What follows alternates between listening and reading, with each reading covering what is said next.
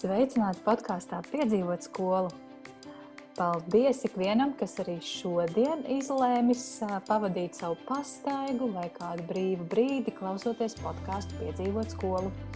Šodien turpinām runāt par skolu, par iedvesmu un par mūziku. Patiesībā nevis turpinām, bet šeit pirmo reizi podkāstā piedzīvot skolu ir cilvēks, kas, cik, kas tik cieši saistīts ar mūziku. Un, tā ir ansambļa Momo pedagoģa. Jā, mūziķa, mūzikas pedagoģa, arī choreogrāfa un arī rakstniece. Es gribētu saukt tevi arī par rakstnieci. Uh, Uh, jā, muzikālo sestdienu dziedi ar Daci vadītāju, mūzikas skolotāju arī nesenajā projektā Tava klase. Tā ir Dace Kravale. Sveika, Dace! Sveika! Tā noraksturoja, ka garš CV. Jā, bet ir, ir arī es tur tik daudz ko interesantu atradu. Tu esi piedalījusies arī kādā TV šovā, ne kā dalībniece, bet kā vairāk kā uh, nu, skolotāja cilvēks, kas palīdz sagatavot šos cilvēkus skatuvēji. Tādu informāciju arī atradu. Dziļā jaunība, ja? jā, jā. jā, jā es uh, fabrikā, laikam, fabrikā bija jāstrādā ar, uh, tur bija tāds televīzijas projekts, kur uh, skatuves kustība, jā, mēs kustējāmies kopā ar tā, tā fabrikas izlaidums, kur bija Aija Andrējeva. Mm. Un, Marta Kukurāne un Roberto, Roberto Melonija. Bet tas tiešām ir ļoti, ļoti sen. Nu, tu esi uzrakusi visu kaut ko. Bet par tavu klasi, jā, es jau arī biju paspējis aizmirst. Tas gan ir tāds aktuāls projekts. Nu, viss, kas saistīts ar pedagoģiju, viss šobrīd ir aktuāli manā dzīvē. Mm, jā, tas arī bija mans pirmais jautājums. Kas, kas, kas šobrīd notiek, ko tu dari, kas tu esi? Uh, Kā, kā tu pati sevi raksturotu šajā dzīves posmā? Labs jautājums. Kā nevienmēr tas tā tipiski šo, šodien teikt, ka tavi darbi parāda to, kas tu esi. Bet nu, nevienmēr tu esi tas, ko tu dari. Tāpat kā nevienmēr tu esi tas, ko tu ēd un tas, ko tu domā, jo tu vienkārši esi. Bet bez tās filozofijas Jā, šobrīd tā pedagoģija ir izvirzījusies priekšplānā. Tas gan nekad man nav bijis tā, ka viņas nav. Šķiet, ka kopš 16 gadu vecumā sāku strādāt pedagoģijā, tā es arī turpinu šobrīd.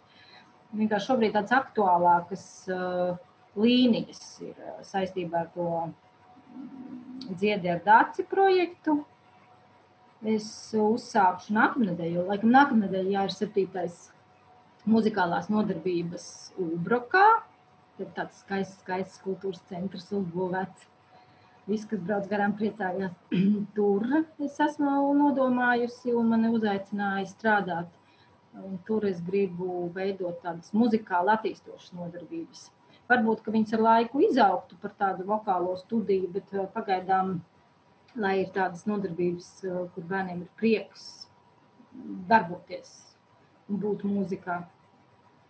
Tās ir aktuāli. Aktuāli, protams, ir viss, visi darbi, kas ir saistīti ar uh, vokālo studiju MOMO, kur, uh, kur es strādāju kā pedagogs, un kur mums šogad ir uh, tāds liels, liels projekts, Laimas mācības krekliņā koncertu uzvedums. Un patiesībā, man liekas, to es neesmu tā nekur vēl uh, reklamējusi, jo viņš mums pārcēlās no, no aprīļa uz, uz, uz novembri saistībā ar to, ar to Covid. Un tur piedalās gan Momo, gan Vefa citi kolektīvi, Zelta Sietiņš un Ritmas dejotāji. Un tad uh, tur ir tāda ļoti, ļoti kvalitatīva un profesionāla mūziķu grupa, kur spēlē Ilze Grunte ar brāli Andru Grunti, Viņa arī ir aranžējusi visas kompozīcijas. Tad mums ir Ieva Nīmane, kā viņas sauc, oboja un flauta un visi citi pušami instrumenti. Edgars Kārklis, Mārtiņš Linda pie bungām. Tiešām tāda, tāda nu, ļoti labs sastāvs. Un Nu, mēs ceram, ka, ka viss būs kārtībā, ka varēsim. Biļetes ir izpārdotas, jo tas bija jau no tā aprīļa. Būs jau bija nokļuvuši. Tad, diemžēl, to, ja tagad kāds vēl grib, tad cerams, ka, ka, ka mums ieliks kādu izrādi vēl. Un, kāpēc es to teicu? À, tāpēc, ka šajā, šajā uzvedumā daļa, nu, puse no skaņdarbiem, kas skanēs, ir manis rakstīti un Ilza aranžē viss, bet manis rakstīt, tas man tāds, man pašai sev ir jāsaka pa pleciņu, jājūtās labi, un es arī jūtos labi. Tā ir tāda tautas muzika, tautas muzikas stilā. Tas ir aktuāls, kur notiek ļoti, ļoti, ļoti daudz darba. Un pedagoģija, mēs jau ar tevi runājam, es iestājos Latvijas Universitātes pedagoģijas psiholoģijas fakultātē izglītības vadības nodaļā ar mērķi jā, turpināt izglītoties un arī būt spējīgai potenciāli strādāt uh, kādās augstskolas struktūrās. Jo ik pa laikam uh, man ir, ik pa laikam es esmu lasījis lekcijas kā pieaicinātais lektors muzikas akadēmijā. Ir agri vai vēlu paceļās jautājums par tiem grādiem, kas tev ir, vai tu esi spējīgs tur to, to, to. Un man ir maģistra grādi, bet ne pedagoģijā, mākslās un veselības aprūpē. Uh, Un tad nu, pienāca tas brīdis, kad vajadzētu turpināt izglītoties, lai varētu nu, jā, sekmīgāk darboties kā pasniedzējs. Tāds man ir plāns, principā, nākotnē, ka es varu strādāt ārzemēs par pasniedzēju, jā, vadīt kaut bakalaura darbus šeit, un tad tam vajag, principā, doktora grādu pedagoģijā. Nepietiek pat ar to maģistru. Jā, es tagad uzņēmusies kursu uh, mācīties ilgstoši. Tā, tas viss. Tas viss izklausās varan iespaidīgi. Tur, tur izklausās, ka tas ir vismaz diviem, trim cilvēkiem tāds, nu, tāda bagāža un, un projekti un, un plāni. Diezgan nopietni, bet kā, kā tu pats sevi vienā vārdā raksturotu? Kas tu esi? Tu esi rakstniece, jo grāmatas tu pat nepieminēji. Nē, nē, nē, noteikti es sevi ne, nesaucu par rakstnieci un komponisti un, un, un tā, tādas, pateikt, izpausmes, tās tādas dažādas izpausmes, kuras, kurās es eju.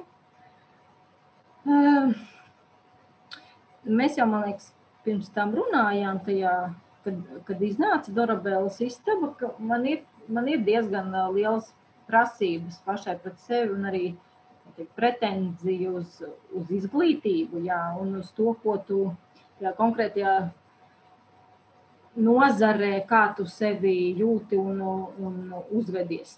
Tā. Un, un tā kā es neesmu ar diplomu rakstniecībā un literatūrā un, un, un neesmu beigusi muzikas akadēmijas kompozīcijas nodaļu, tad es sev nesaucu par komponistu un rakstnieci. Neskatoties uz to, ka dziesmas es rakstu, tad es esmu dziesmu autors un, un tekstus un grāmatas, respektīvi viena grāmata, bet, bet būs arī otra.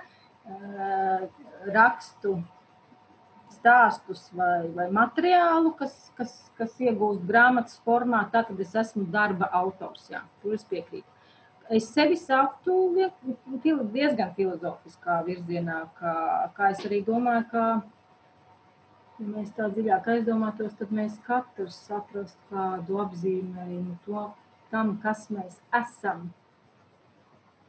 Gaisma. Jā, tas vistuvāk. Tas arī diezgan tāds jau, jau ir tāds vispār saprotams mūsdienu apstākļos jau jēdziens, ka mēs esam garīgas būtnes fiziskā ķermenī, tad būt par gaismu ir tikai normāli. Gaisma, jā, tas, tas ir ļoti atbilstoši, manuprāt. Jādara kopā ar to īstenībā, ar pedagoģijas kaut kādu manu to izpausmi, jo tas nozīmē, ka tu izgaismo kā hermēs ar to, ar to lupturīti gan sev ceļu, kur es eju uz priekšu un kur es attīstos, gan arī tiem, kas varētu iet aiz manis, ja es arī vedu kādu aiz sevis. Un kā pedagogs, protams, ka es vedu bērnus un nereti arī viņu vecākus. Un visus, ar kuriem es saskaros kaut kādā veidā, gan pedagoģijas nozarē, gan citās. Un sanāk, kaut kādā ziņā es esmu sev pats vizualizējis, to, ka, ja tu paskaties, paceļot lukturīt augšā tumsā, viņš jau izgaismo ne tikai to ceļu uz priekšu, viņš jau iedod arī tādu um, sānos, tādu, tādu nu, nelielu perspektīvu. Tu saproti, ka principā tev ir jāaptver diezgan daudz. Tas nav tikai aiziet uz priekšu. Tīri arī metaforu ziņā. Nepietiek ar vienu ceļu. Mm. Jāsaprot, kas ir tajos abās pusēs, pa labi un pa kreisi. Kur iet? Ļoti, ļoti skaista metafora. Man uzreiz ir jautājums, cik droši tu ieslēdz šo lukturīti un cik droši tu esi uh, savos ceļos un, un cik pārliecināti tu ej, jo, jo, jo dažreiz drošāk ir neieslēgt gaismu, lai nav jāpaņem vēl kāds papildu ceļš. Tas ir labs jautājums. Es, nu, tur ir vairāki, vairāki, vairāk atbildžu varianti, vai tāds vairāk līmeņu atbildi droši vien, ja, ja tā ļoti dziļi ir. Jo viens ir tas, ka tu jau arī, ja tu esi bijis pasniedzējs, tu saproti eh, ar gadiem, ja tu strādā ilgstoši, izstrādājās jau tā pedagoģiskā, kā, te, te, kā pedagoga, tu kā pedagogs atbildība pret tiem, ar ko tu strādā. Misija, protams, tas tāpat kā ārstiem, skolotāji, kaut, lai cik tas eh, jēdziens nebūtu tāds uh, mm, neviennozīmīgs kaut kādā ziņā, tu tomēr dari to darbu, tādu apziņu, ka tas ir jādara. Un arī tad, ja tu kaut kad no tā aiziet, tad atkal atgriezies. Un, un tas palīdz uh, turēt to lukturīti ar pārliecību. Un trešais, jau ko es teicu, tomēr, tomēr uh, tāda zināšanu bāze, jā, ka tu turpini attīstīties, turpini izglītoties, gan akadēmiski, gan neakadēmiski, kā personība attīsties. Un, un tu nestāvi uz vietas, līdz ar to, tu, ejot uz priekšu, man ir, jā, principā, ja es nejūtos par sevi pārliecināta, es nemaz neju. Tad es stāvu un gaidu, un tad ir tas posms, kā mēs sakām, tas kokoniņa posms, ko tu izdzīvo sevi, vāc materiālus, domā par to projektu vai par to nezinu, jā, projektu vai, vai um, pasākumu kopumu, ko tu gribi veikt, kur tu gribi cilvēkus vest. Protams, ar, ar galvu sienā es neskrienu un, un nelecu kaut kur, kur es nezinu, kur es piezemēšos kaut kādā ziņā. Jā, es vedu aiz sevis cilvēku. Tas, ka es pats savās izpausmēs veidos, kā es attīstos, es, esmu, es varu riskēt. Jā. Es piesakos semināriem, es varu aizbraukt uz Vīni, mā, studēt kaut ko, nezinot tā, tā, cik, cik tas ļoti ir pateikt, droši. Kā. Bet es vienmēr, man ir tāda bāzes paļāvība, teiksim, pasaulē vispār, ka viss būs labi un ka viss ar mani notiks labi. Jo es ar tādu nevis enerģiju, bet arī enerģiju, bet ar tādu domu es eju pasaulē.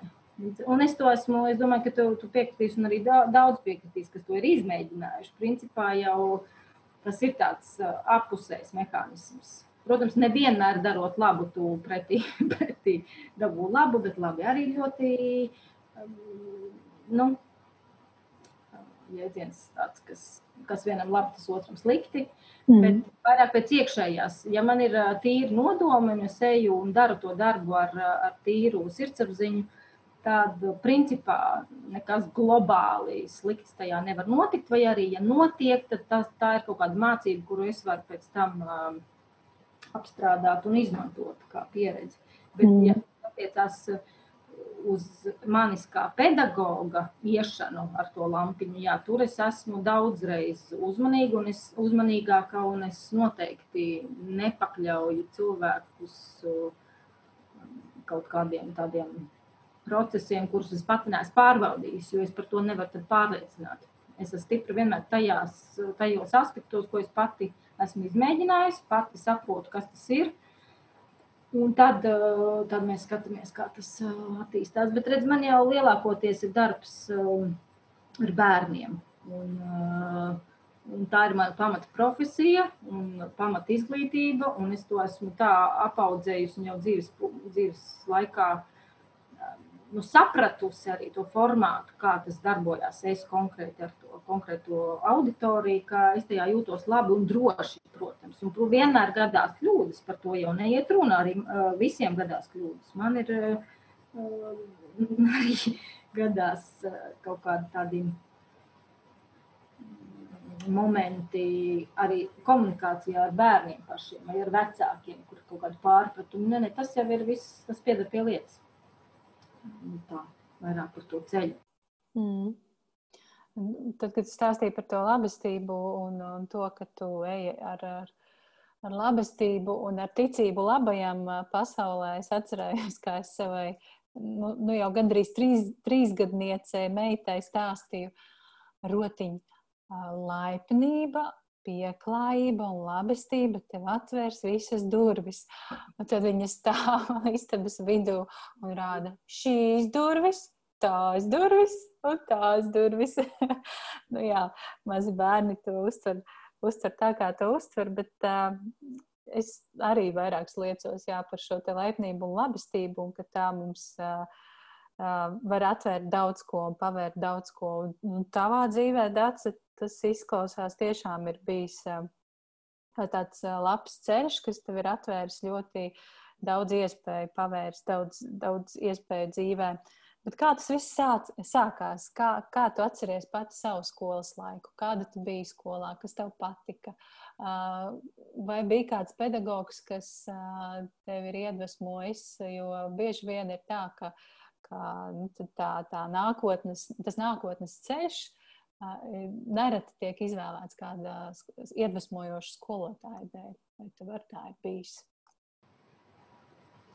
Um, ja, ja runā par mūzikas pedagoģiju, droši vien tad jā, visvairāk jau jāsaka, ka man vecāki. Manā mamma ir mūzikas pedagogs. Viņa visvairāk man ir iedvesmojusi šajā ziņā. Vai, ja būsim godīgi, viņi noteica manu, tā teikt, iz, izglītības izvēles iespējas, kuras man tajā vecumā un arī padomju laikā nebija tādas plašas. Bet es, ne, es to nenožēloju. Skolā, viņa skolas laiks ir tāds um, neviennozīmīgs. Atkal vaina dēļ tās padomju sistēmas, kas bija diezgan, tomēr, visu, nu, sanāk man līdz 10, ne 12 gadiem, diezgan uh, ilgi es viņu izjūtu.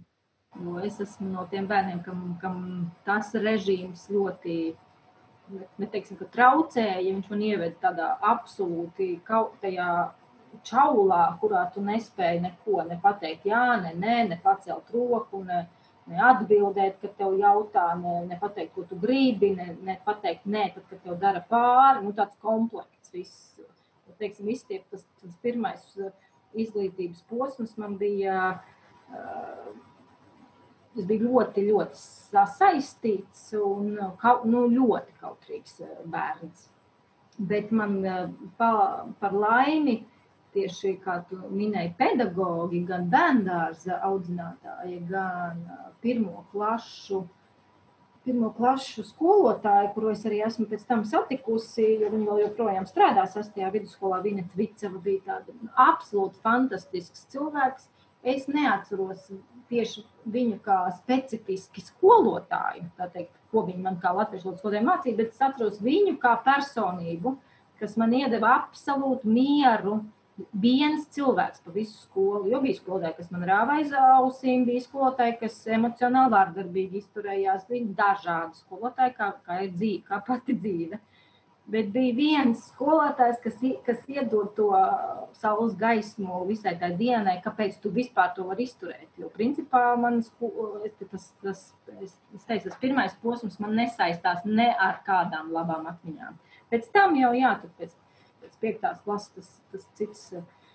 Tā, tā kaun, es nezinu, vairāk tā kaunināšana, tā, teiksim, pat pazemo, nu, kaut kādā veidā pazemošana, ja tu kaut ko nezini, tā, nu, es nezinu, vai tas bija tiem laikiem raksturīgi, vai tas ir arī šobrīd, redz, es strādāju interešu izglītībā, man ir citādāk, es, es to skolas vidi, es laikam arī apzināti no viņas arī izvairījos, jo es, ne, es nespēju tik vardarbīgi izturēties, vai arī tik, tik autoritatīvi. Nu, protams, mums jau arī gadās, nu, kā, kā lai savāc 60 bērnu skatos, nu, ko tur bez, bez skaļās rīklas nekas nenotiek. Bet uh, vairāk tā e, par emoci, emocionālo, es domāju. Jā, tā kā tie skolotāji un, un, un man ir palikuši labā atmiņā, bet tas nenozīmē, ka, viņi no, ka, viņu ietekmējas izvēlējos šo profesiju. Tas vairāk tā sakrita. Ka, ka, ka manā mamma bija mūzikas skolotāja, un tad es arī sāku mācīties mūzikas pedagoģiju. Un, uh, un agri sāku strādāt. Līdz ar to es kaut kā tajā iegāju. Un, ah, jā, man mediņ, es mācījos Jāzef Mediņa Rīgas muzikas koledžā, toreiz viņa bija koledžā. Koklis, starp citu, ko es, tas nav mans, absolūti nav mans instruments, mana pašizpausme, bet tur arī bija ļoti labi pasniedzēji. Un tad tā skolas viens no pedagogiem teica, jā, ka, ka man esot skolotāja nervs. Un tas parādās tajos jau 16, 17 gados. Un, zini, es to ilgu laiku nenovērtēju. Tā es laikam teiktu, arī bija dzīves posmi, un mums vispār, kā tu saproti, sabiedrībā nu, nav, nu, neskaitās ļoti populāri būt skolotājiem. Dažkārt tas vispār ir tāds. Uh, um, nu, labāk es esmu dziedātāja vai es esmu choreogrāfija, ja, bet nekā es esmu mūzikas skolotāja. Tas uzreiz kaut kā it kā tevi pamazina, bet nu, ja viss jau pietiekoši gadi, kā mēs smejamies, lai tiktu galā ar šādām cilvēku uztveres īpatnībām. Un arī pati sevī sakārtoju šo jautājumu, un tagad man nav problēmu dzīvot uh, kā mūzikas pedagogam un tajā attīstīties un dot uh, dot uh, citiem. Tu, tu minēji, ka tev piemīt skolotāja nervs, tā, tā novērtēja citi pedagogi. Kā tu pati raksturotu šo, šo uh, lietu? Kas tas ir skolotāja nervs? Kā, kas tas tāds? Nu, man viens uh, aspekts šim ir, ka man interesē cilvēks vispār. Līdz ar to man interesē visu vecumu personību, kas ir manā laukā, darba laukā. Vai tas ir bērns divgadīgs, vai četrgadīgs, vai desmitgadīgs, vai astoņpadsmitgadīgs, vai tie ir pieaugušie. Līdz ar to man interesē miedarboties, un es pieslēdzos šim cilvēkam. Tajā izpratnē, ka man nav viena alga, ne kā pedagogam, ne kā cilvēkam arī. Tas man šķiet, ir vien, nu, viena no kvalitātēm, kas, kas skolotājiem būtu, protams, būtu ļoti labi, ja tā būtu. Saistībā ar bērniem es esmu dzirdējis arī, ka uh, tas ir tāds, nu, kā tu zini, ja cilvēki, kas strādā ar bērniem, būtu labi, ja, ja tie bērni patīk. Tā mēs paši savus bērnus vedam pie pedagoga. Mēs taču gribam, lai mēs redzam, ka tam pedagogam tie bērni patīk. Tas ir viens aspekts, ka man patīk bērni. Arī šeit, nu, teiksim, viņi aug un attīstās. Man vienkārši patīk redzēt tās personības attīstāmies. Un es varu būt pacietīga darbā ar, ar bērniem, bet um, tas, es domāju, nu, tas pat, pacietīgums ir tāda kvalitāte, ko mēs visi audzējam visu dzīves laikā. Un man patīk, ka es varu redzēt, ka es miedarbībā ar konkrēto cilvēku kaut ko viņam mācot, ka ir kaut kāds rezultāts ka viņš tiek uz priekšu. Nu, Tātad tu kā pedagogs tomēr pildi savu uh, uzdevumu uh, pietiekoši kvalitatīvi, kad es, nu, kaut vai nu, mani bērni, protams, ka ja viņi dzied pie manis, viņi iemācās dziedāt, tas tāds standarts. Uh, vai, ja man bērns, man tagad ļoti labs viens, viena ļoti burvīga meitene nāk spēlēt klavieres, uh, redzi katru nedēļu, ka viņai attīstās tas, tas, tas process. Un tas man sagādā prieku. Un droši vien, ka jā, nu, nu kā tas jau ir standarts, tev jāpatīk tas, ko tu dari. Nu, nu, mēs jau to pamanījām. Visur sabiedrībā. Nu, tu ej, ej kaut vai Rīgā veikalā, tur kasieri. Nu, tu uzreiz vari redzēt, viņai patīk strādāt vai viņai nepatīk strādāt. Nav runa par, par, par kasieres, par to profesiju, pat ir vairāk runa par to, kā viņi komunicē ar cilvēkiem. Viņai patīk vai nepatīk. Tas pats ir bērngārzā, tas pats ir uh, slimnīcas uzņemšanā, tas pats ir viss, viss kaut kur, kur mēs ejam. Tu uzreiz var redzēt apkalpojušās restorānos. Cik man nav bijusi piemēri, kur man pienāk oficianti vai vies, viesmīla. Un man pirmais, es pat ne, nevaru neko viņai vēl pajautāt, ka es jau redzu, uh, nu, ka viņai tā īsti tā nepatīk tas darbs. Nu, tā ir, protams, mana interpretācija, bet tā sajūta uzreiz ir tāda, uh, ka tu jūties ne, neērti, ne, ne tur atnācis, kā tu viņai traucē. Un, nu, tam tā kā it kā nevajadzētu būt. Kur es pieņemu, ka arī skolotāja darbā vecāki sagaida no manis, un bērni nāk pie manis, tāpēc, ka mums patīk kopā būt, mums patīk kopā strādāt. Toreiz skolā ir grūtāk, nu, nu tev nav variantu, tu ej uz skolu, tur jāiet uz skolu, tur ir tas, tas pedagogs. Man kā interešu izglītībā man ir ļoti kaut kādā ziņā tādi siltumnīcas apstākļi. Pie manis nāk tie, kas grib pie manis nākt, pie manis nāk dziedāt, tie, kam patīk dziedāt. Un tad mēs darām to, kas mums patīk, un tā miedarbība, protams, ir auglīga. Bet tas bija par skolotāju nervijāk. Es domāju, ka tur ir pacietība, ieinteresētība, personības attīstībā un um, kaut kāda vēlme sasniegt kopīgu rezultātu. Jā. Ja, es labi no, no sasumēju. Ja? Es domāju, ka tu nosauci ļoti daudz lietu, Bet uh, tas skolotāja nervs kaut kas ir īstenībā vārdiem neiz, neizstāstāms, neiz, neizrunājams un neaprakstāms. Jo, uh, nu, es nezinu, varbūt tas ir tas kaut kāds talants, kas, ar, ar kuru tas cilvēks, kam ir šis nervs, spēj paņemt klasi, auditoriju, ansambli. Un, un es pat nezinu, es, es pati sev neesmu to atbildējusi, vai to var iemācīties. Un, un, tāpēc es tev to jautāju, jo tu esi pieredzējusi, pieredzējusi šāka nekā es. Un, un... Ir arī tās nu, formas, kādā tu kā, ja mēs to pedagogā, tagad jēdzienu pedagogs paplašinam, pasniedzējs, lektors, cilvēks, kas kaut kādu konkrētu informāciju novada konkrētai grupai. Tad, principā, ja, no tā, ja iziet ārā no rāmja, pasniedzējs, audzēknis, tur, nezinu, sistēma, skola sistēma, bērndārs sistēma, konkrēti, ja tu aizēji e, kaut kādā citā formātā, mm. tad tu vari iegūt arī to citu pieredzi, ka tu, ka tu daloties ar to, ko tu esi savā dzīvē, piemēram, sapratusi. Vai, nu, es, piemēram, ķermeņa apzinātības lekcijā, semināri man ir, man nav bērni, tur man ir pieaugušie. Bet tur es dabūju to pašu. Tur tas nervs nav skolotāja nervs, bet viņš ir tas, tā, nezinu, nu, tā vajadzība dalīties ar to, ko tu esi sapratis. Tu dod to otram, un tur tik un tā notiek tas process, kurā es redzu, ka tam otram tas palīdz. Un, uh, Un tas ir ļoti, ļoti uzlādējoši. Un, principā, tā pieredze, kas man ir, jo lielākas auditorijas, jo 30, 40, 50 cilvēku seminārā, jo tu pilnīgi tā, tā enerģija, tā, tāda, nu,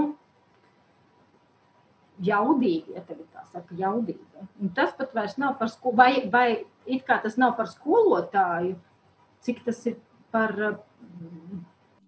Tā nav tā saucamā harizma, Jo ir, ir arī šobrīd es studēju, atkal esmu studente, un vienkārši ir pasniedzēji, kuri viņi ienāk telpā, viņi paņem visu telpu. Ar vienu smaidu, ar vienu skatienu mēs esam gatavi ar atvērtām mutēm izklausīties, ko mums tagad teiks. Un mums varētu jebko teikt. Mēs klausīsimies un māsim ar galvu un uh, iesim, darīsim visu. Un, un manuprāt, tā ir vienkārši harizma. Varbūt tā, bet varbūt arī citādāk. Nezinu, ja kāds klausītājs varbūt klausās un ir viedoklis par šo, tad droši man var uzrakstīt. Um, tu teici, ka tev, tev vajag, lai nu, tu priecājies tad, kad bērniem ir prieks darboties un būt mūzikā. Kā tu pati jūties mūzikā? Tas, protams, ir absolūti neloģisks jautājums, jo, nu, ja tu nevari droši vien bērniem iemācīt prieku, ja tev pašai nav prieka, bet uh, droši vien, ka, ka mūzika arī tavā dzīvē ir tik dažāda. Tu gan pati komponē, gan pati dziedi, gan darbojies ar bērniem, un šīs izpausmes ir tik dažādas un tik, tik arī neparastas, iedvesmojošas, varbūt mazāk iedvesmojošākas. Kas tev patīk mūzikā? Kā tu jūties tajā? Kas tev patīk visvairāk? Jautājumu. Uzdevu jautājumu, pati visu atbildēju. Klasiski. Jā, tagad būtu jāuzliek kaut kāds mūzikas fragments. Jā, starp citu, ko tu uzlikt, ja tev tagad vajadzētu kaut ko uzlikt? Viens pirmais, eh, mana pirmā atziņa jau ilgstoši, jau ilgstoši. Man šķiet, man liekas, kopš mediņu skolas beigšanas vismīļākā mūzika man ir klusums. Tā ir arī visprecīzākā mūzika, kurā kaut kas vispār var piedzimt, kurā var sadzirdēt, ko es gribu, kas es esmu, kā mēs jau par to runājām, kurā virzienā man iet. To visu es varu sadzirdēt tikai tad, kad ir klusums. Jo es īsti nezinu, vai, vai tas ir tāpēc, ka mm, tas ir ļoti individuāli. Es arī domāju, mūziķiem, jo redz, mu, mūzi, izglītojoties muzikas sistēmā, tā secīgi no bērnu muzikas skolas vai arī no, no brīža, kad es sāku dziedāt, man šeit 3, 4 gadi, tātad līdz 23 gadiem muzikas akadēmija beidzot, visu laiku ejot cauri konsekventai mūzikas patērniecībai, izglītības nolūkos. Uh, es kaut kādā brīdī, protams, un to arī nedomā visu laiku. Kāpēc, tu, kāpēc tev tagad jāklausās Mocards, Bahs, kāpēc man tagad ir šis, kāpēc ir tas, jo ir mūzikas vēsture, ir mūzikas literatūra, tad mums ir tas, tad mums ir operas, tad mums ir, tad mums pašiem jārada, tad mums pašiem jāranžē, tu visu laiku dzīvo tajā mūzikā, un tā kā, principā, kaut kādā ziņā taisnība, tu jau par to vairs nedomā. Uh, tu vienkārši tajā esi. un, uh, un tas, ko es sapratu, jā, es tajā jūtos labi, bet man nav vajadzības iet kaut kādā konkrētā, nu, tā kā man tagad es spēlēšu šo instrumentu, vai es spēlēšu šo, jo es arī nebiju instrumentālists. Līdz ar to es tiku atbrīvot no šī, šīs izvēles vai šīs savienošanās uz mūžu ar konkrēto instrumentu, caur ko tad es uh, sevi var realizēt. Tas ir normāli, ka katram ir savs virziens, jo mans virziens ir caur kustību, caur ķermeni, caur balsi, caur to eh, realizēt tās savas eh, spējas. Līdz ar to man nevajag konkrētu instrumentu. Vai konkrētu žanru, kurā, kurā man tagad ir dziedot tikai operas, eh, varu sevi izpaust. Nu, lūk, tas ir viens, bet um, Es arī esmu izgājusi eh, cauri šiem gadiem, arī eh, studiju gadiem, visādiem, visa veida žanriem, dziedot dažādos ansambļos, dažādos koros, dažādos sastāvos, arī dejojot un, eh, un dziedot. Un tā kā es pamazām ejot uz priekšu, tā kā vei, es teiktu veiksmīgi, jā, veiksmīgi nu, sīpols pa vienai mizai noņemot, noņemot, viss, viss paliek ar vien tukšāks, ar vien tukšāks, ar vien tīrāk, ar vien tīrāk, kamēr esmu es un mans klusums. Un um, es mūziku šobrīd, uh, mūziku šobrīd manā dzīvē, ja es klausos mūziku, tad es viņu apzināti klausos, vislabāk uh, koncertzālē, protams, simfoniskā mūzika ļoti fantastiski, bet pieslēdzos tikai tai mūzikai. Neklausos, braucot mašīnā, radio, neklausos. Nu, labi, darba, darba vajadzībām man jāklausās bērnu mūzikas diski, tad arī sēžu un klausos. Neklausos paralēli, darot darbus, mūziku. Uh, ik pa brīdim šķiet, ka ir tāda vajadzība, un tad es uzlieku to mūziku un saprotu, ka nē, es nevaru. Jo mūzika prasa pieslēgšanos, bet tas ir tikai man. Tā ir, nu, respektīvi, tā ir. Es saprotu, ka tā, tas nav tāds virziens, kas, kas man tagad būtu jāsaka, ka tam ir jāsako. Es, biju, man ir, ša, es esmu to atradu sev tādu sapratni, jo mūzika ietekmē, protams, mūzika ietekmē to, kā tu jūties uz to brīdi, kādu mūziku tu klausies. Es esmu likusi pat arī meditācijas un visādas tur, nu, YouTube pilns, jā, ar visu kaut ko. Tas ir tāpat kā tekstuālais materiāls ir, ū, tu var lasīt jebko. Un principā es, es vairs nelasu jebko un neklausos jebko. Es tevi selektīvi izvēlos to, ko es tāpat kā nēdu jebko. Un tāpat ir arī ar šiem mākslas um, virzieniem, māksla, literatūra, mūzika. Es domāju, ko es lasu, ko es ēdu, ko es klausos, un um, kas nonāk manā, manā apziņā un zemapziņā, protams. Līdz ar to tā, tāda ir atbilde. Mūzika, protams, kā, kā daļā māksla ir, ir fantastiska un var ievest citos uh, apziņas uh, līmeņos. Bet, uh, jā, bet es, es tam pievēršos ļoti, ļoti mm, pārdomātāk. Mm. Jo studiju laikā neviens tev neprasa, vai tu gribi klausīties šo skaņdarbu, vai kā viņš tev emocionāli ietekmēs. Neviens neprasa, vai tev patīk tas, kas sižets vai Rigoleto, kuras piedalījās ar meitu, kas ir drausmīgi smags sižets un principā, kas nav vēlams, piemēram, manam bērnam tajā vecuma posmā vai man pašai tajā emocionālajā stāvoklī. Un zanāk, tad tu lēnā garā, protams, tu vari arī nu, distancēties no tā. Nu, ir, jā, ir mūzika, ir, jā, ir izrāde var jau viņu nelaist visu iekšā. Bet, nu, principā, ja tu gribi baudīt uh, to mākslas formu, tad tu tā kā ieeji viņā. Un tad jautājums, vai es gribu to sevi, vai es negribu. Mm. Jā, es, uh, es pilnībā varu piekrist, uh, ka man, man, man arī bieži ir bijis tā, ka kā kaut, kāds, kaut kāda dziesma vai kāds skaņdarbs pilnīgi neizskaidrojami raisa ļoti lielu prieka, prieka sajūtu, laimes sajūtu, vai ne, ne no šā, ne no tā, tā tās skaņas kaut kā liek raudāt vai saskumt. Un, un tāpat ir arī ar grāmatām, starp citu, kas gan, nu, grāmatas pārsvarā ir mūsu brīva izvēle. Un nu, pati vainīga, ka es esmu izvēlējusies lasīt par Otro pasaules karu, zinot nu, visu to, kas, kas tur ir bijis. Protams, ka es raudu un pārdzīvoju, un pēc tam vairākas dienas nespēju atgūties no tā visa. Uh, bet jā, tā, tādi nu, mēs esam cilvēki. Dažreiz mīlam paši sevi pamocīt, bet uh, man ir prieks, ka tu, tu esi to pāraugusi un uh, zini, kas tev ir vajadzīgs un ko tu pilnīgi noteikti negribi. Um, runājot par mūziku un ansambli Momo, uh, kā es uzzināju, kuram jau būs 30, 30 gadi 30 gadu pastāvēšanas vēsture šim ansamblim. Un uh, tu tur esi, cik ilgi tu strādā ansamblī? Mm, nu, jā, ansamblis mums ir jā, tā pāraudzis, ka, ir, ka mēs viņu jau saucam par studiju, jo tur ir dažādi virzieni. Mm. Darbojamies.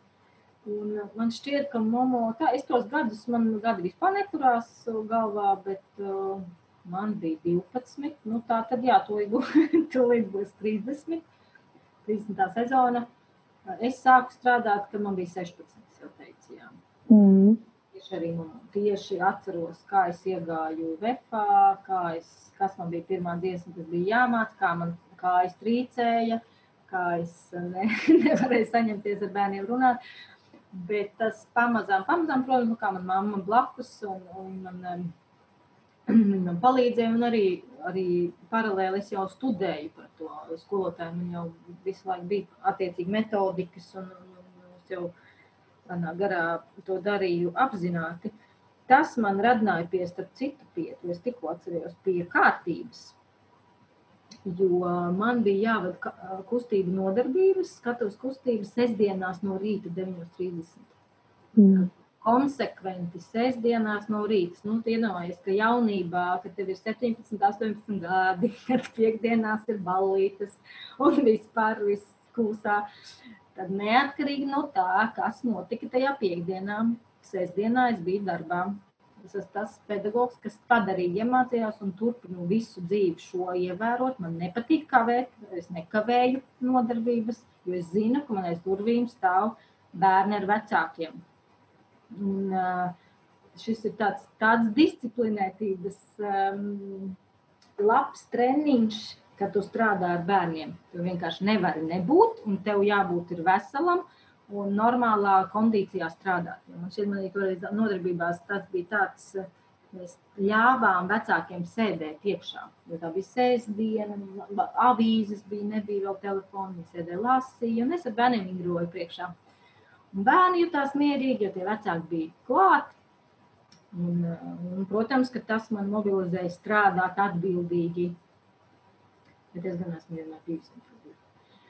Nu, lūk, jā, mēs strādājam jau, jau to 30. sezonu, un uh, ir tā, ka šo gadu laikā ir tik daudz cilvēku iz, izgā, izgājuši cauri, mācījušies, dziedājuši. Ir tik daudz um, bērni, kas ir izauguši un pēc tam aizgājuši, izmācījušies par, par skolotājiem, par choreogrāfiem, par aktieriem, par dziedātājiem. Un tas ir tāds. Uh, tas man vienmēr ir lielākais prieks, ka es redzu, ka tie mani gan studenti, gan arī skolnieki, ka viņi sasniedz, ka viņiem tas ir kaut ko iedevis, viņi man arī teikuši. Ja. Tas nav tā, ka tikai ka es redzu viņus no tāluma, ka viņi ir teikuši, ka viņiem ir palīdzējušas tās nodarbības.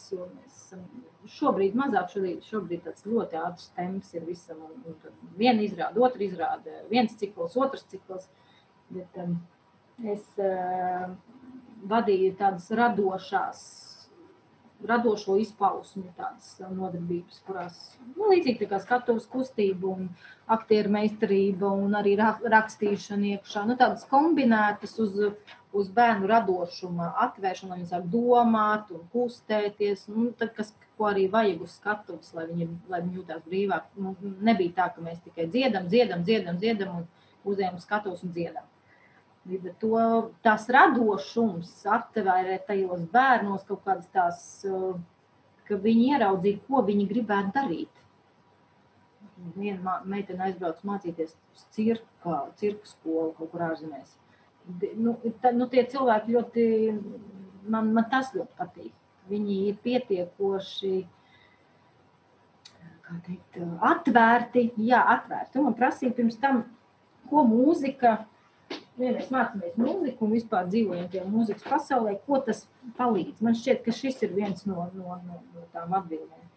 Ka viņi esot tajā, vienalga, vai, vai šajā, vienalga, kurā kolektīvā, kurā mēs dziedam, un ir dažādi veidi tie projekti, tu iemācies būt atvērts un, un uztvert uh, to pasauli pietiekoši pietiekoši sajūtīgi un pietiekoši pozitīvi arī. Un, no, un pietiekoši pateikt, brīvi, lai sev ļautu pēc tam attīstīties. Jo tā mūzika, protams, ka mūzika iedarbojās tā, mums nezinot uz dažādiem, uz dažādiem, uz mūsu dažādiem ķermeņiem, uz emocionālo visvairāk. Bet tā pieredze, ko bērni ir guvuši, izējot um, cauri, ir, ir, nu, jāprasa būt viņiem. Bet es zinu, ka ir arī tā, ka tas ir kolektīvs, ka viņi sadraudzējās, un tad viņiem ir savas, uh, savas lietas un savas darīšanas, un, un, un viņiem ir kopīgs atmiņu uh, tāds, um, kā lai saka, bloks, jo viņi ir kopā izauguši. Es tad, kā, kā mēs smejamies, kā pedagogs, es biju, es esmu, bērni mainās, bet viņi ir bijuši kopā kaut kādu konkrētu laika posmu, un pēc tam es redzu, ka viņi tie paši, viņi tagad tādiem draugu blokiem arī paliek pēc tam. Tas ir tāds eh, arī ieguvums, arī devums eh, viņu kā tajā, viņos kā personībās. Jā. Mm. Kā, kā tu raksturotu, kas ir eh, Momo atšķirības zīme, ar ko jūs atšķiraties, izceļaties? Jo uh, Es gan neesmu pētījusi, bet es ticu, ka ir diezgan daudz ansambļu, un vokālo studiju un vietu, kur bērniem iet dziedāt un mācīties mūziku. Bet kas ir tas, ar ko mamma atšķiras tavuprāt? Oh, tas ir labs jautājums. Par to es arī neesmu domājis, lai gan it kā mūsu patērnieciskajā laikmetā, kad sevi ir visu laiku jāreklamē, par šo būtu ļoti īpaši jādomā un īpaši jāizceļ. Bet uh, nu, mēs vienkārši darbojamies un darbojamies. Mēs, tas, ko droši vien mana mamma teiktu, kā ansambļa nu, radītāja un vadītāja ilgstošā, ka mums ir tāds nenogurstošs arī misijas apziņa, vai kas tā ir. Ar, ka, ka mēs veidojam uzvedumus, koncertu uzvedumus, koncertu ciklus, kas pārsniedz koncertu, vienkārši koncertu apjomu, kur, kur, kur iesaistās nu, kaut kāds teātris pausmes, kur mēs aicinām dažādus kolektīvus, lai bērniem ir tāda dažāda, dažāda tā pieredze būt, esot uz skatuves. Redzu gan aktierus, gan citus mūziķus, gan instrumentālistus. Tāpēc mēs arī tāpēc ir šis projekts. Un, protams, kaut kāds tāds arī vispār izglītojošais moments, kāpēc ir šī tēma. Tagad mums ir tā folklora, laimes māca krekliņa par to, ka ka mēs piedzimstam kā laimes māte krekliņā, ko tas simboliski nozīmē, ka tas nozīmē to laipnību, ar kādu mēs ejam pie cilvēkiem. Mēs arī sagaidām, ka mūs kā, visu laiku atbalstīs tie tā pasaule ar uh, attiecīgi laima un uh, nu, tas, kas vismaz folklorā parādās, tā, tā ir tad mammas pārliecība, ka mums jāiedod uh, ir tas izglītojošais fons arī Mēs, mēs esam pa vidu, protams, ka mēs dziedam gan pop mūziku, gan nu, tādu vokālo mūziku, piedalāmies skatēs, bet mēs tā, tās turamies pa vidu, jo, protams, to deķi dažādi. Nu, ir vecāki, kas ļoti, ļoti grib braukt un iziet uz tādiem pop, pop dziedāšanu, pop koncertiem, tad mēs turamies pa vidu lai nodrošinātu, kā mums ir eh, koncerts, kurā mēs dziedam tādu izteiktu popmūziku, un tad mums ir projekts, kurā nu, ir viss, tas, kurā pabaroti tiek arī dvēsele un gars, un, un, un, um, tas, tas saskan ar mums pašām, un līdz ar to mēs to dodam bērniem. Plus otrs, es nezinu, kā, kā, kā, zinu, kā, nē, nu ļoti daudz ansāmbu tagad, bet tā, Tas līdzīgi kā, kā saka par terapeitiem. Katram pacientam savs terapeits. Nu, katram bērnam, nu, tā ir katram bērnam vai bērnu vecākam ir savs kolektīvs, kur viņš jūtās labi. Tas, ir, tas atbilst vairāk pat personībai. Mēs arī visi kā pedagogi esam tādas līdzīgas pēc, ene, ne tikai pēc, pēc enerģijas, varbūt pat ne, bet pēc tā veida, kā mēs miedarbojamies ar pasauli. Mēs neesam agresīvas, neesam uzbrukošas, ne, neraujamies aizvērtās durvīs, neejam ar aukoņiem uz priekšu.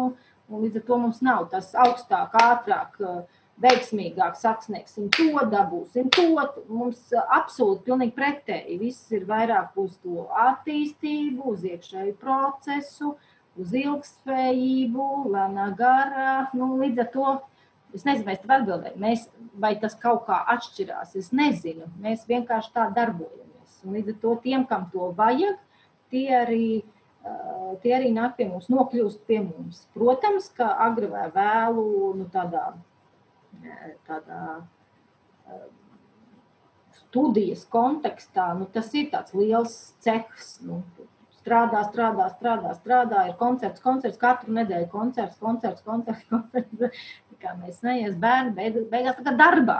Tā kā darbā. bet, eh, nu, bet viņiem patīk, mums patīk, un, un mēs nekad neapstājamies. Tā liekas, ka dažkārt eh, arī pie šī projekta, pie tā lielā projekta likās, nu, ka viss, nu, tūlīt, tūlīt eh, mēs vairs nevarējam, nu, es nevelku vairs, nu, ir pa daudz, kā tu teici, nu, ir pa daudz temps pa ātru, projektu par daudz, pie, pietiekuši pieslēgties nevar visam, vai arī var, bet ir ļoti komplicēti, ir daudz iesaistīto liels tas skaits, un sāk likties priekš kam, nu, priekš kam man tas viss. Nu, tad tas ir tāds īsts brīdis, priekš kam.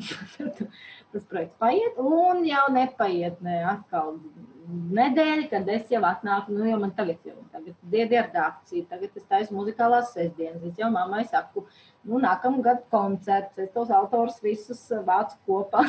no kurienes tas? Kāpēc tas? Nu, kā, nu, Jo es uzskatu, ka vajag popularizēt un atgādināt visus latviešu autorus, kas ir rakstījuši bērniem, kas ir mani izaudzinājuši, visus pārējos izaudzinājuši, kaut ko devuši. Un par to devumu vēl. Uh, ir, ir viens posms dzīvē, pienāk šobrīd, jā, viņš jau sen ir principā pienācis, bet šobrīd mēs viņu realizējamies kopā ar māsu, kad tu sāc saprast, ka tev ir jādod.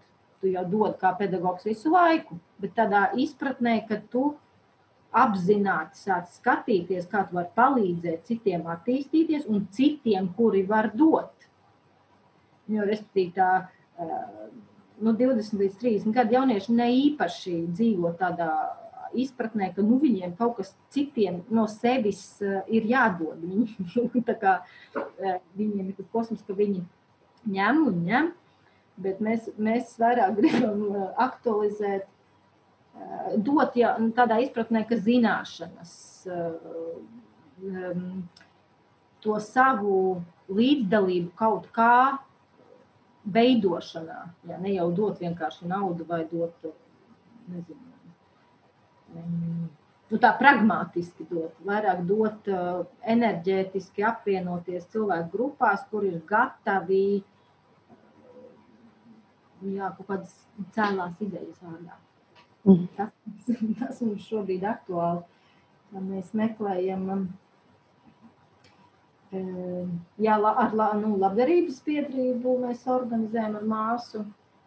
Nu, tas gan ir raksturīgi kolektīviem, lokāliem ansambļiem arī, ka, ka mēs iesaistamies dažādās labdarības um, akcijās, bet uh, šobrīd mēs vairāk esam nokoncentrējušies. Es, es jau meklēju sadarbības cilvēkus, gribēju teikt, partnerus, cilvēkus, um, kas varētu strādāt ar tām bērnu grupām, kuriem nav vecāki, kas var samaksāt tās lielās uh, maksas par puciņiem. Jo es uzskatu, ka tas nav īsti vienlīdzīgi, nav īsti godīgi pret, uh, pret visiem sociālajiem slāņiem. Un, uh, un, um, jā, es meklēju veidus, kā tie vecāki, kas ved pie mums dziedāt bērnus un maksā to dalības maksu, ka mēs kaut kādu daļu no tās dalības maksas novirzam tam, lai pedagogi, kurus es uzrunāju, un, tie, un tur jābūt pedagogu veselam tādam uh, lokam, tas nav viens vai divi, kas ir gatavi strādāt ar tiem potenciāli ne tikai talantīgajiem bērniem. Tas atkal ir tāds jautājums. Ne, ne, ne, ne, ne, ne ar tādu izlasi. Ja tagad tu Prējos, Alūksnē un Ventspilī ir trīs talantīgi bērni, un tagad kā man, un viņiem vecāki nevar samaksāt šos pulciņus, un tagad es strādāšu viņiem, nē, es domāju, gan, jā, arī, bet uh, vairāk es runāju par to, ka tiem bērniem, kuriem nav iespēju vispār tikt līdz tādiem pulciņiem, vai uh, es nezinu, kāda ir tā sistēma tagad ar muzikas skolām. Bet tādu, izveidot tādu schēmu, lai uz to pulciņu, uz to nodarbību, kā skolotājs piebrauc viņam klāt. Skatuves kustība, vokālā nodarbība, teātris mākslā, radošuma nodarbības, lai viņiem arī tiek tas, lai tas nav tāds selektīvai cilvēku grupai, kur ir spējīgi maksāt. Eh, viņi laiž bērnus tur dejot, dziedāt, tenis, sports, tur tās, tur tās. Un, un vienkārši saprot, ka tas bērns ir pārblīvēts ar visu, un tad pretī ir viens bērns, kurš nedabū neko, no vienkārši viņam nav par ko to. Mm. Zināšanas. Es nezinu, cik tas ir aktuāli. Nu, tas mēs esam nonākuši līdz tam, ka mums šķiet, ka tas jāsāk ir darīt. Un nav runa tikai par to, ka tie būtu bērni. Un bērni, kam tā kā klasiski nav, nav objektīvi to vecāki, bet runa par. Nu, man pašai ir četri bērni. Nu, es nevaru viņus palaist pulciņos, ja katrs pulciņš maksā 60 eiro. Nu, tad, tad, tad, nav, tad man nevajag strādāt par pedagogu. Jā, tad man vajag, ja es nezinu, kurien strādāt. Daudz kas ir atkarīgs arī no vecākiem. Jā. Jo, jo mana lielā sāpe ir, to mana mamma jau zina. Uh, Mana lielā sāpe ir tāda, ka bērnībā mani neaizved uz to mūzikas skolu. Es zinu, ka daudzi, daudzi bērni tieks, mācās mūziku, mūzikas skolā, kādā brīdī ir ļoti noguruši un nelaimīgi, ka viņiem tur jāatrenējas un jāspēlē vai jāpūš. bet uh, mani nepalaida, neaizved uz mūzikas skolu, un tas man bija tik liels pārdzīvojums, jo jā, man uh, kāds uh, ģimenes draugs pateica, ka man ir talants, ka es varētu dziedāt, Un, un tajā brīdī man bija tāds, jā, es tik ļoti gribu, es gribu mācīties mūzikas skolā. Es, es protams, kā kautrīgs, ieturēts bērns, neko skaļi neteicu. Tikai iekšēji nopriecājos, ka nu, tik man tagad būs mūzikas skola. Bet mana māma to kaut kā neuztvēra ļoti nopietni. Un tā arī es, es nekur netiku.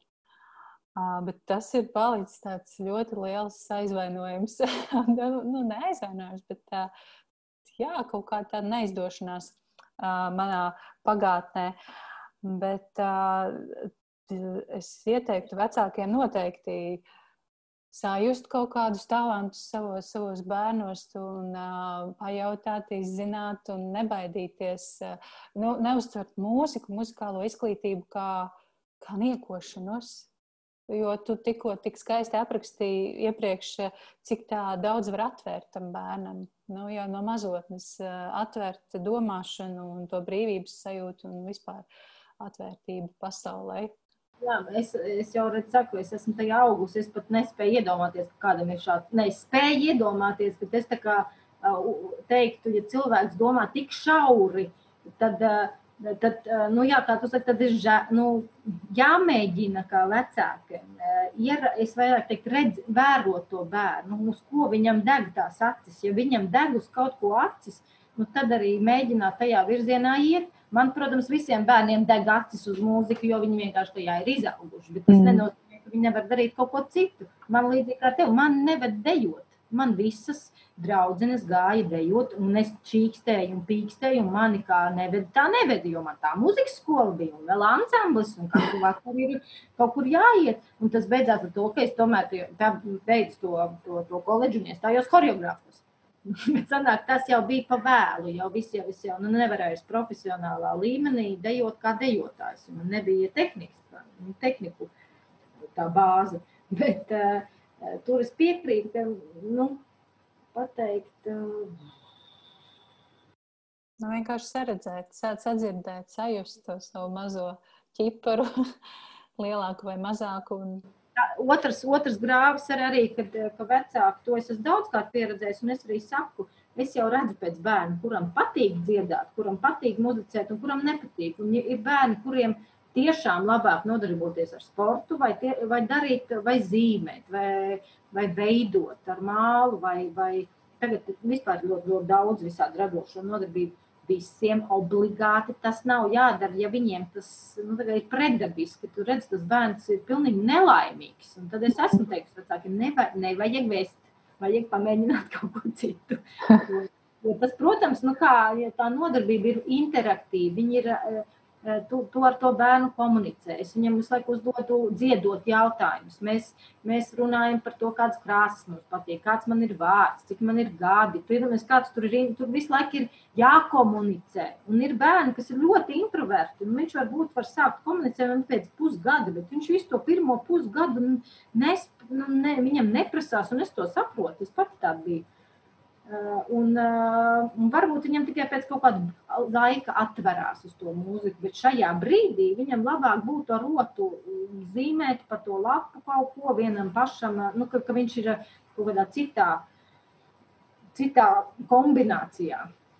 Gan ar cilvēkiem, gan ar, gan ar pasniedzējiem. Tā kā, nu, jā, jāskatās, ir, kas ar tiem bērniem notiek. Parunājam tā, tā nedaudz parunājam par vēl vienu radošu, radošu uh, līniju tavā, tavā dzīvē un tavā uh, karjerā. Uh, mums ir saruna, mums ar tevi jau ir viena saruna, ko var atrast Instagramā. Tur mēs runājām uh, par, uh, par rakstīšanu, par uh, grāmatu Dorabēlas istaba, kas ir iznākusi izdevniecībā Liels un Mazs. Um, Un es, tas, kas man joprojām spilgti palicis atmiņā no šīs sarunas, ir tas, kā tu stāstīji Tu vari nedziedāt, tu vari nerakstīt mūziku, bet tu nevari, nevari nerakstīt nu, tekstus. Un to es ļoti labi atceros. Ko tu šobrīd raksti? Šobrīd, jo es skatos četras klādes paralēli. Ja? vienā, otrā, trešā, tā, tā. Nē, šobrīd es uh, nerakstu materiālu, jo materiālu jau es esmu sarakstījis. Man ir materiāls, viens ir jau gatavs, ko tā kā, nu es nesaukšu skaļi, kamēr vēl man nav viss apstiprināti līgumi, bet ko ir apstiprinājusi izdevniecība, uh, ko mēs izdosim ar mākslinieci nākamajā sezonā. Jūs nāk tagad nevar, nu, ļoti būt sasteigt, bet principā materiāls ir gatavs, grāmata būs nākamgad. Tā būs iedvesmas grāmata, jā tā ir gatava. Un, un ir vēl viens man materiāls, kas ir tāda dzēja, liriska proza, teiksim, tā, tādi mirkļā, tādi nu esības dārsts saucās. Nu, tas man liekas kaut kas tik skaists, ne?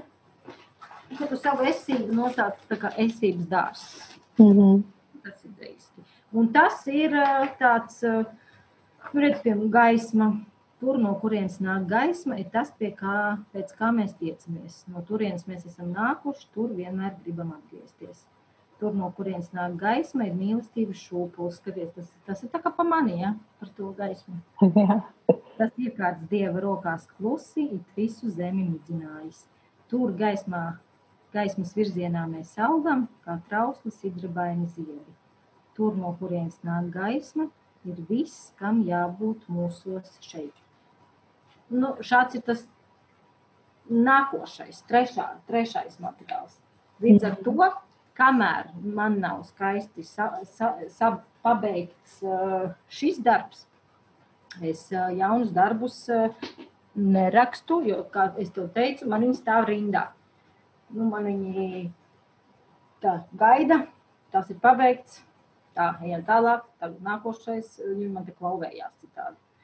Bet Bet um, kā pateikt? Es uh, tagad, nu, respektīvi, kamēr mēs pie šī strādājām, pie tās iedvesmas grāmatas,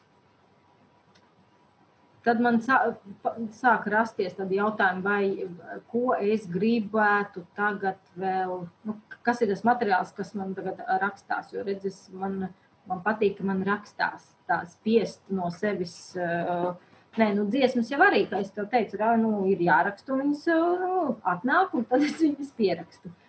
Bet ar tekstiem tā tagad nav. Tā, es neļauju viņiem nākt, teiksim, tā. Es ne, ne, neat, neat, neapsēžos, un, un nav tā, ka es tagad esmu atvērta tam, lai es tagad divas stundas rakstītu jo tas prasa laiku, jums tagad ir citas prioritātes. Bet um, es domāju, ka tomēr es atgriezīšos pie Dorabēlas.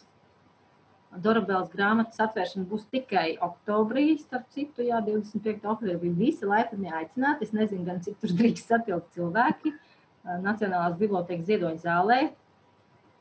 Vienos, laikam, neatceros. Nu, gan jau, ka mēs jau kaut kur, kaut kur ieliksim. Uh, Dorabela, es teikšu tā, es izdzīvošu Dorabelas posmu, jo ar Dorabelu es došu, šo gadu es dzīvošu tā ļoti cieši. Es taisu to konceptu programmu, ar ko es braukšu. Tā ir domāts, cik nu šajos apstākļos varēs uz bērnu dārziem. Ja nevar tos lielus koncertus, tad kā pa grupiņām braukšu ar Dorabelas dziesmām. Dorabelas lēle man arī būs tieši tā kā viņa ar tiem violetiem matiem. Un, teiksim, tā rakstniecības līnija šobrīd ir tā, ka es pievēršos tam jau, ko es esmu saradījusi. Pievēršu arī attiecīgu uzmanību tam darbam un tā kā engage with, with it. Nevis vienkārši pametu kaut kur, bet es tagad viņam pievēršu uzmanību un uh, daru, un iespējams, ka vēl uh, no Dorabela, jo man Tas jau pirms, pirms bija grāmata, es gribēju radio raidlugu. Un iespējams, ka nu, tajā es vēl iešu un tad iz, iz, iz, izdzīvošu to posmu. Tas nozīmē, ka varbūt tomēr Dorabelai būs turpinājums. Uh, Tad ir tāda iedvesmas grāmata, kura arī ir jāizauklē, jāizauklē, kurā ir ļoti skaistas gleznas, uh, Agnes Kritēnas ilustrācijas un ar kuru ir kopā jādzīvo un kuru mēs taisām tādus video rullīšus. Tev sūtīju, jā, kurus pat ierunāju tos tekstus. Tās ir jāapdzīvo, un, un tad ir vēl esības dārzi, kur tagad sāk, kur tagad es domāju, kur viņus virzīt, caur ko viņus uh, izdot, nest izdevniecībai, nenest izdevniecībai, nezinu, kādā formātā vispār izdot. Līdz ar to vēl tā, kā, tā jaunu materiālu es viņu tagad uh, lieku te. Vispār uh, mans izaicinājums, protams, nu, tu, tu, tu studē uh, to, ko, to, ko vajadzētu rakstniekiem studēt. Būtu īsie stāstījā. Es pie manis nevis izaicinājums, mans dzīves, es esmu uzlikusi sev par mērķi, uh, kaut kāda dzīvē uzrakstīt vienu normālu, kvalitatīvu, sakarīgu īso stāstu. Man īso stāstu autori ir vis, vismīļākie. Tas ir mans top žanrs. Nu, divreiz sanāca, kad es kultūras akadēmijā studēju, abas reizes es tieši šis, šis, visi tie pasniedzēji, kas, kas nāca un stāstīja par, par par īsajiem short stories, par ši, šo žanru, tas man vienkārši fascinēja. Kā ļoti in, nu, koncentrētā veidā, tu principā ieliec visu esenci dzīves, dzīves tad, kā, fotografiju no augšas ir vis tajās dažās lapas pusēs. Tāds mans mērķis un priekš tā, kā mēs saprotam, varbūt, jā, varbūt, nāksies atkal um, ja ne studēt, tad uh, tomēr izglītoties, uh, lai tas būtu kvalitatīvi. Bet redz, rakstniekam, jo, jo viņam ir vairāk gadi, jo, jo labāk. Un es tā ne, nekur neskrienu. Un, uh, pietiekoši kvalitatīvi gribu izdarīt uh, šos darbus, kas man ir. Negribu viņus uh, pamest tādā, nu, kaut kā.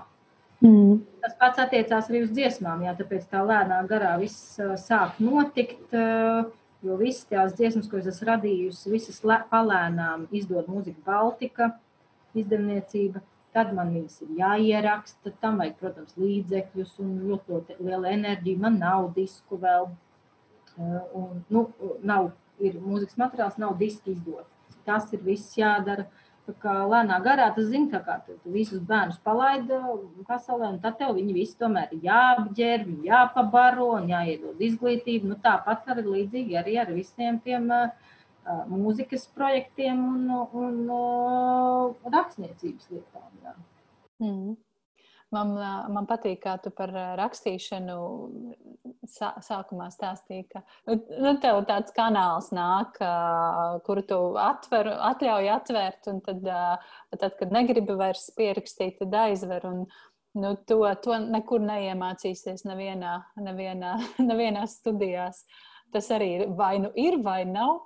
Tāpat kā radošums un kaut kādas tādas lietas. Viņš jau kaut kādā, nu, es, es teiktu, ka viņš ir daudziem. Vienkārši to jau neviens tā, nu, tie, kuri te, to zina, tie vienkārši to praktizē.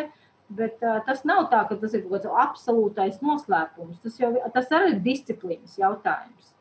Nu, kā principā man, man bērni to zina, man jau viņi, man liekas, kaut kādā vienā intervijā šo, šo paši teica. Man ir tā, redz, mani ārēji apstākļi ir pamanījuši, kuros brīžos var iesprāgties tajā, kuros brīžos man ir, nu, kuros ir tas, ah, te, te es varu tagad, tas ir kā es iekāpju mašīnā, jo es teicu, es neko neklausos.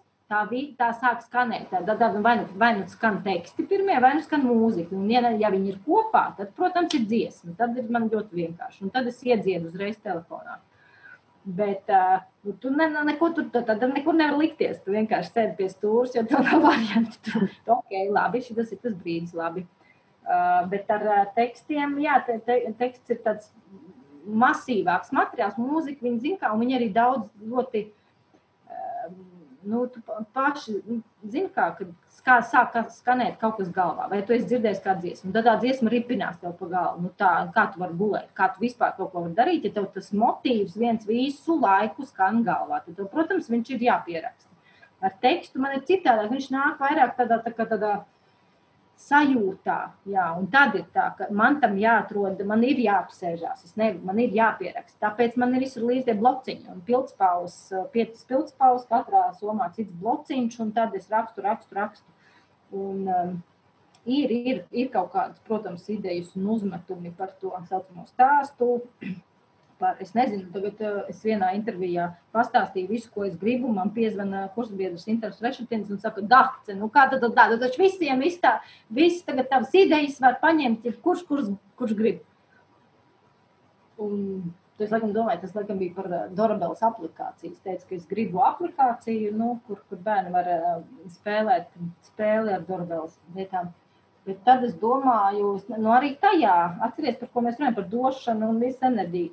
Bet lūdzu, ja kāds var realizēt kādu no tām idejām, ko es gribu realizēt, un kam man pietrūks laika, vai enerģijas, vai resursu, kāds to var darīt, man absolūti nav žēl. Un arī par, par rakstīšanu. Ja, jā, rakstīšana, nākošais projekts, ko es gribu rakstīt, to jau es sen, sen jau nu, vācu to materiālu. Ir, um, viens no maniem mīļākajiem darbiem ir Birthday Stories. Haru, Haruki Marukami ir uh, savietojis tur vairākus uh, dzimšanas dienas stāstījumus. Un es analoģiski pretēji taisos rakstīt par miršanas stāstiem, jo nāve ir vienkārši viens topiks, kas man no, no jaunības un abām māsām ir tāds topiks. Mēs par to runājam, mēs par to reflektējam, mēs ar to vienmēr dalāmies un um, miršanas stāstīņā, jo es reāli savākus reālus gadījumus par miršanas, par cilvēka miršanas brīdi. Viņi ir tik ļoti sadzīviski un neparasti un, un ne, nu, fascinējoši, protams. Vienkārši vienā brīdī tevis vairs nav, bet tu, tu stāvi un cep kotletes savā, savā virtuvē un viss, un tevis vairs nav. Un šis, šis aspekts man ļoti, ļoti teikt, uzrunā, tas dzīves trauslums.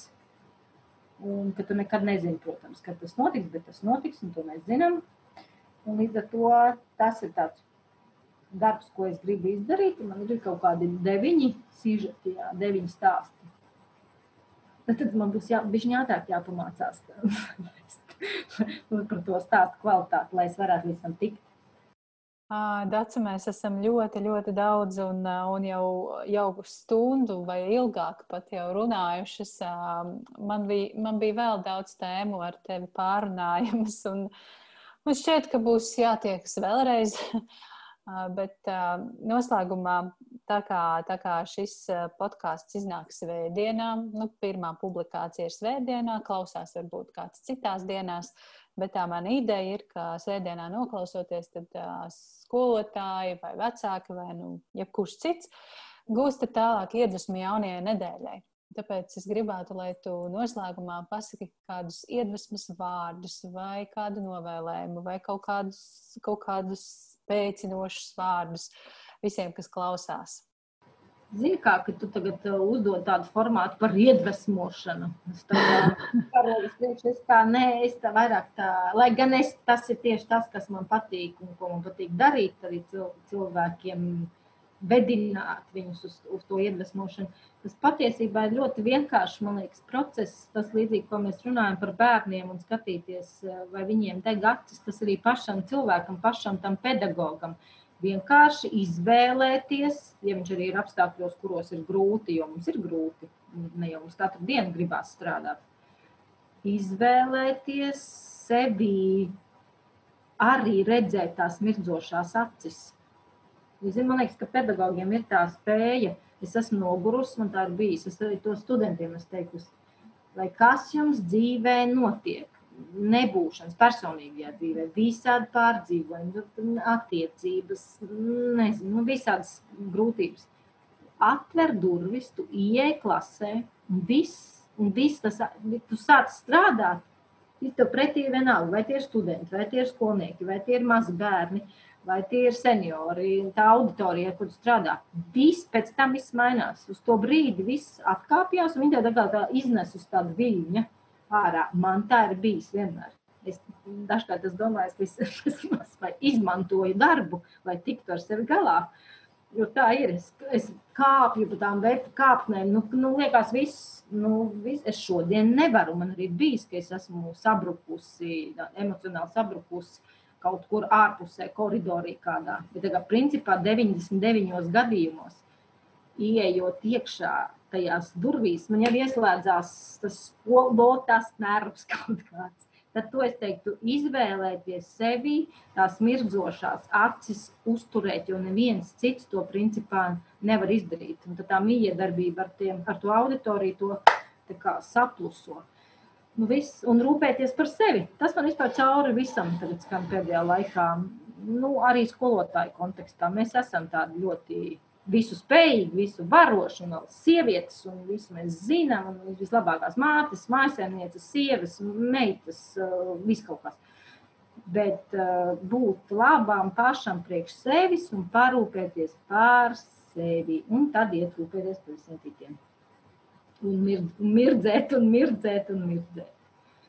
Nu, skaisti. Paldies, Dārce.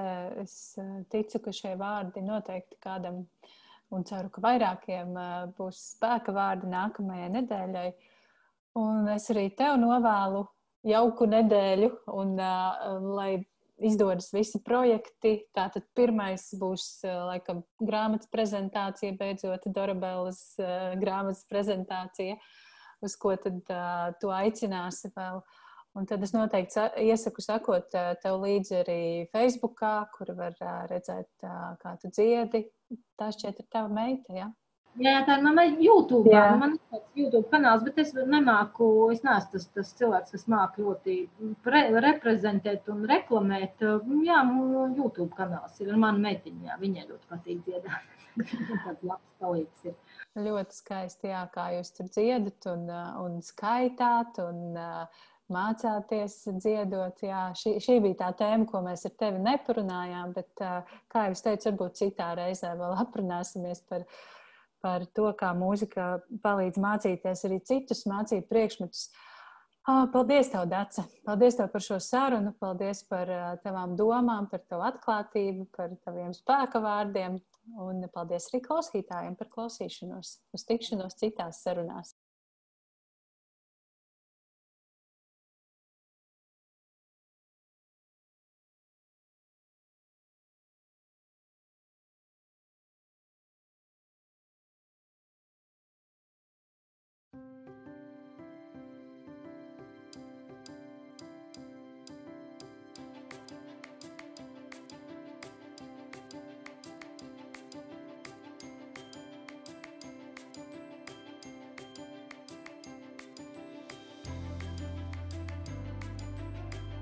Tas šodien arī viss.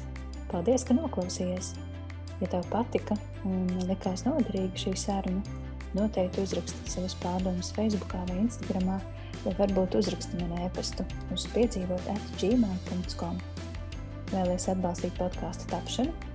Dodies uz www.patreon.com šķērsvītra piedzīvot un kļūsti par podkāsta mīļāko atbalstītāju, jeb patronu. Paldies! Un uz tikšanos nākamreiz!